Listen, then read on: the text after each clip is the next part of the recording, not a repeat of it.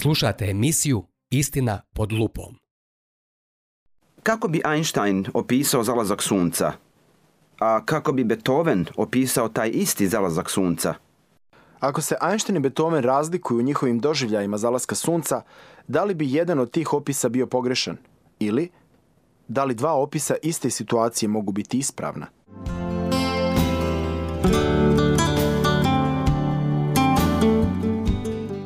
Charles Hamel je doktorirao hemiju na Yale-u. Bio je predsjednik Barrington Koleđa i direktor odjela za rad sa fakultetskim osobljem pri Međunarodnom udruženju evanđelskih studenta, organizaciji koja približava Bibliju studentima na intelektualno razumljive načine – Na konferenciji Američkog naučnog udruženja dr. Hamel je zamislio kako se Einstein i nekoliko uvaženih prijatelja okupljaju radi interesantnog razgledanja. Pretpostavimo da Einstein, umjetnik Gauguin, Beethoven i psalmista David gledaju jedan divan seoski prizor na nekoj planini. Sastaju se tamo dok još ima danje svjetlosti oko sat vremena i posmatraju prizor kroz zalazak sunca – Slažu se da će svako od njih opisati taj prizor na sobstveni način i vratiti se nakon godinu dana radi upoređivanja rezultata.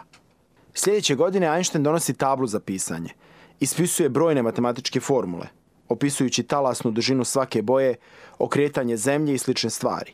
On kaže, ja ovako vidim prirodni svijet, kroz naučno mjerenje i odmjeravanje. Gauguin ne razumije Einsteina, ali kada dođe red na njega, on vadi sliku na kojoj je naslikao plamteći zalazak sunca. On kaže, ovo sam ja vidio u tom seoskom prizoru i zalasku sunca prošle godine. Ovo je moje viđenje. Beethoven kaže, Einsteinove formule i Gogenova slika su zanimljive za pogledati, ali ja izražavam svoje viđenje tog prizora kroz muziku. Zatvorite oči i pustit ću vam snimak moje nove simfonije.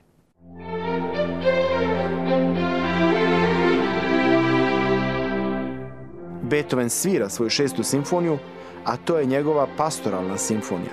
To je njegovo viđenje prirodnog svijeta.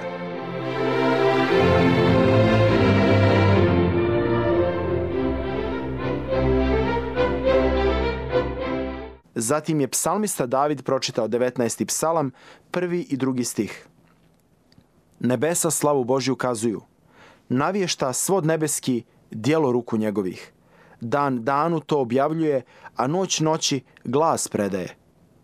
David veliča i proslavlja Boga koji je stvorio prirodu. Uzaludno je pitati koje je najbolje, koje je mjerodavno predstavljanje stvarnosti. To zavisi od svrhe. Ako želite ići u svemir, koristite Einsteinove formule. Ako želite nešto ukrasno za vaš dom, većina ljudi bi se odlučila za Gogena umjesto formula. Nakon napornog dana, Beethovenova pastoralna simfonija je dobar način da se opustite. A ako želimo da veličamo i slavimo stvoritelja zbog veličine onoga što vidimo, Davidovi psalmi su idealni u tu svrhu. Dakle, ima mnogo načina da se opiše složenost svijeta kao što je ovaj u kome živimo.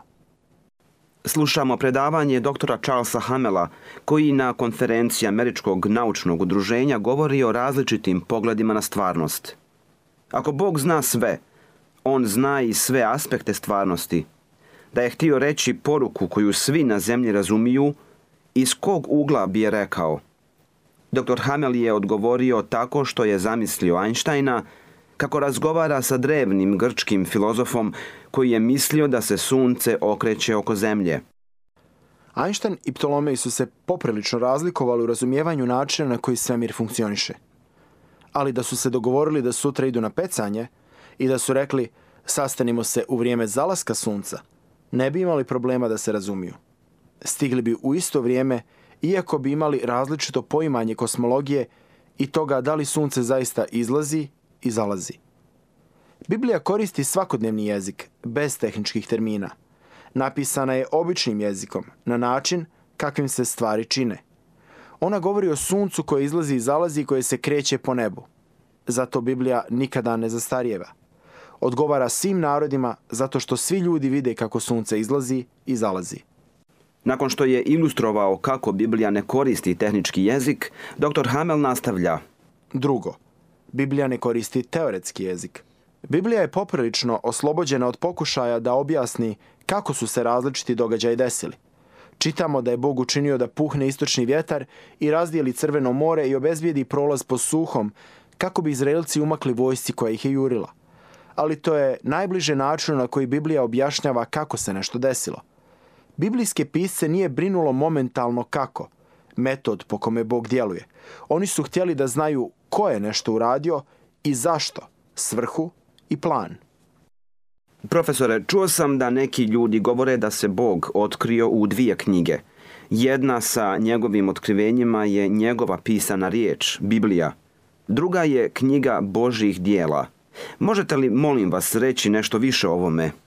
Koliko ja znam, engleski filozof iz 16. vijeka, Sir Francis Bacon, prvi je nazvao prirodu knjigom Božjih dijela. Svaka munja prikaz je Božje sile – Složenost ljudskog tijela pokazuje Božju mudrost i stvaralačku genijalnost. Ali ako bi sve što znamo o Bogu bilo to da stvara munje, mi bismo ga se plašili. Tako je. Vidjeti da je to biće jače i pametnije od nas može nas ili utješiti ili uplašiti. To zavisi od toga da li je to nadmoćnije biće naš prijatelj ili naš neprijatelj. Priroda, knjiga Božih dijela, ne kaže nam da li je njen stvoritelj prijateljski – ili neprijateljski raspoložen. Kako bi odgovorio na taj problem, Bacon je napisao da je Biblija knjiga Božje riječi. Ona nam govori o ličnosti i moralnom karakteru Boga. Ona kaže da nas Bog voli. Bog nam govori kroz knjigu prirode da nas je stvorio i da je jači od nas. U Bibliji kaže da nas voli. On želi da upotrijebi svoju moć da nam pomogne, a ne da nas povrijedi.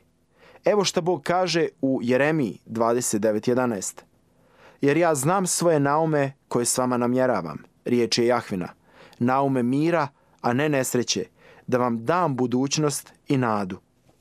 Ali ako je Bibliju nadahnuo super inteligentni Bog koji je stvorio nebo i zemlju, zašto Biblija nije napisana intelektualnim jezikom? Zamislite da ste vi Bog, sveznajući, svemogući stvoritelj. Stvorili ste milijarde galaksija i rasuli ih po cijelom svemiru – zatim ste naselili najmanje jednu planetu stvorenjima dovoljno inteligentnim da analiziraju i cijene ono što ste kao mudri stvoritelj napravili. Pretpostavimo da ste željeli da komunicirate s vašim najuzvišenim stvorenjem. Vi znate da samo mali procenat ljudske rase razumije diferencijalne jednačine ili biohemiju.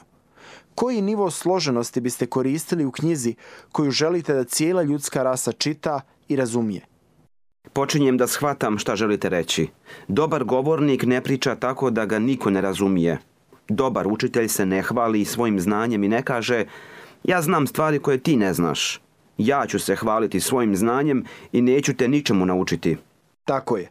Bog je želio da govori čitateljstvu koje Biblija opisuje kao svako u Ivanu Da je Biblija napisana tako složeno da je potrebno imati doktorat da bi se razumjela, to bi poništilo Božju svrhu da je napravi porukom za sve nas.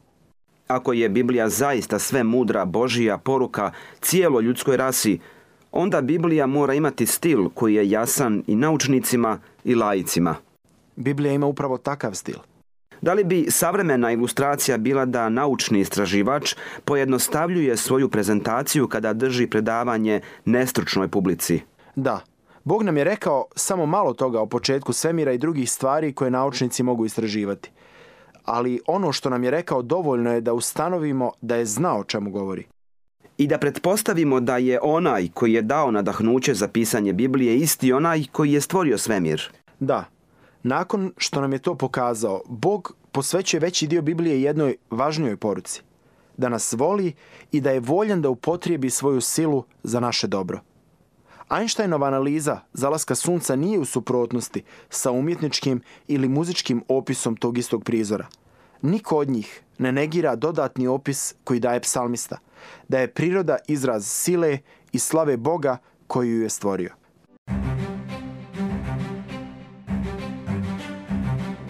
Hvala vam što ste slušali današnju emisiju.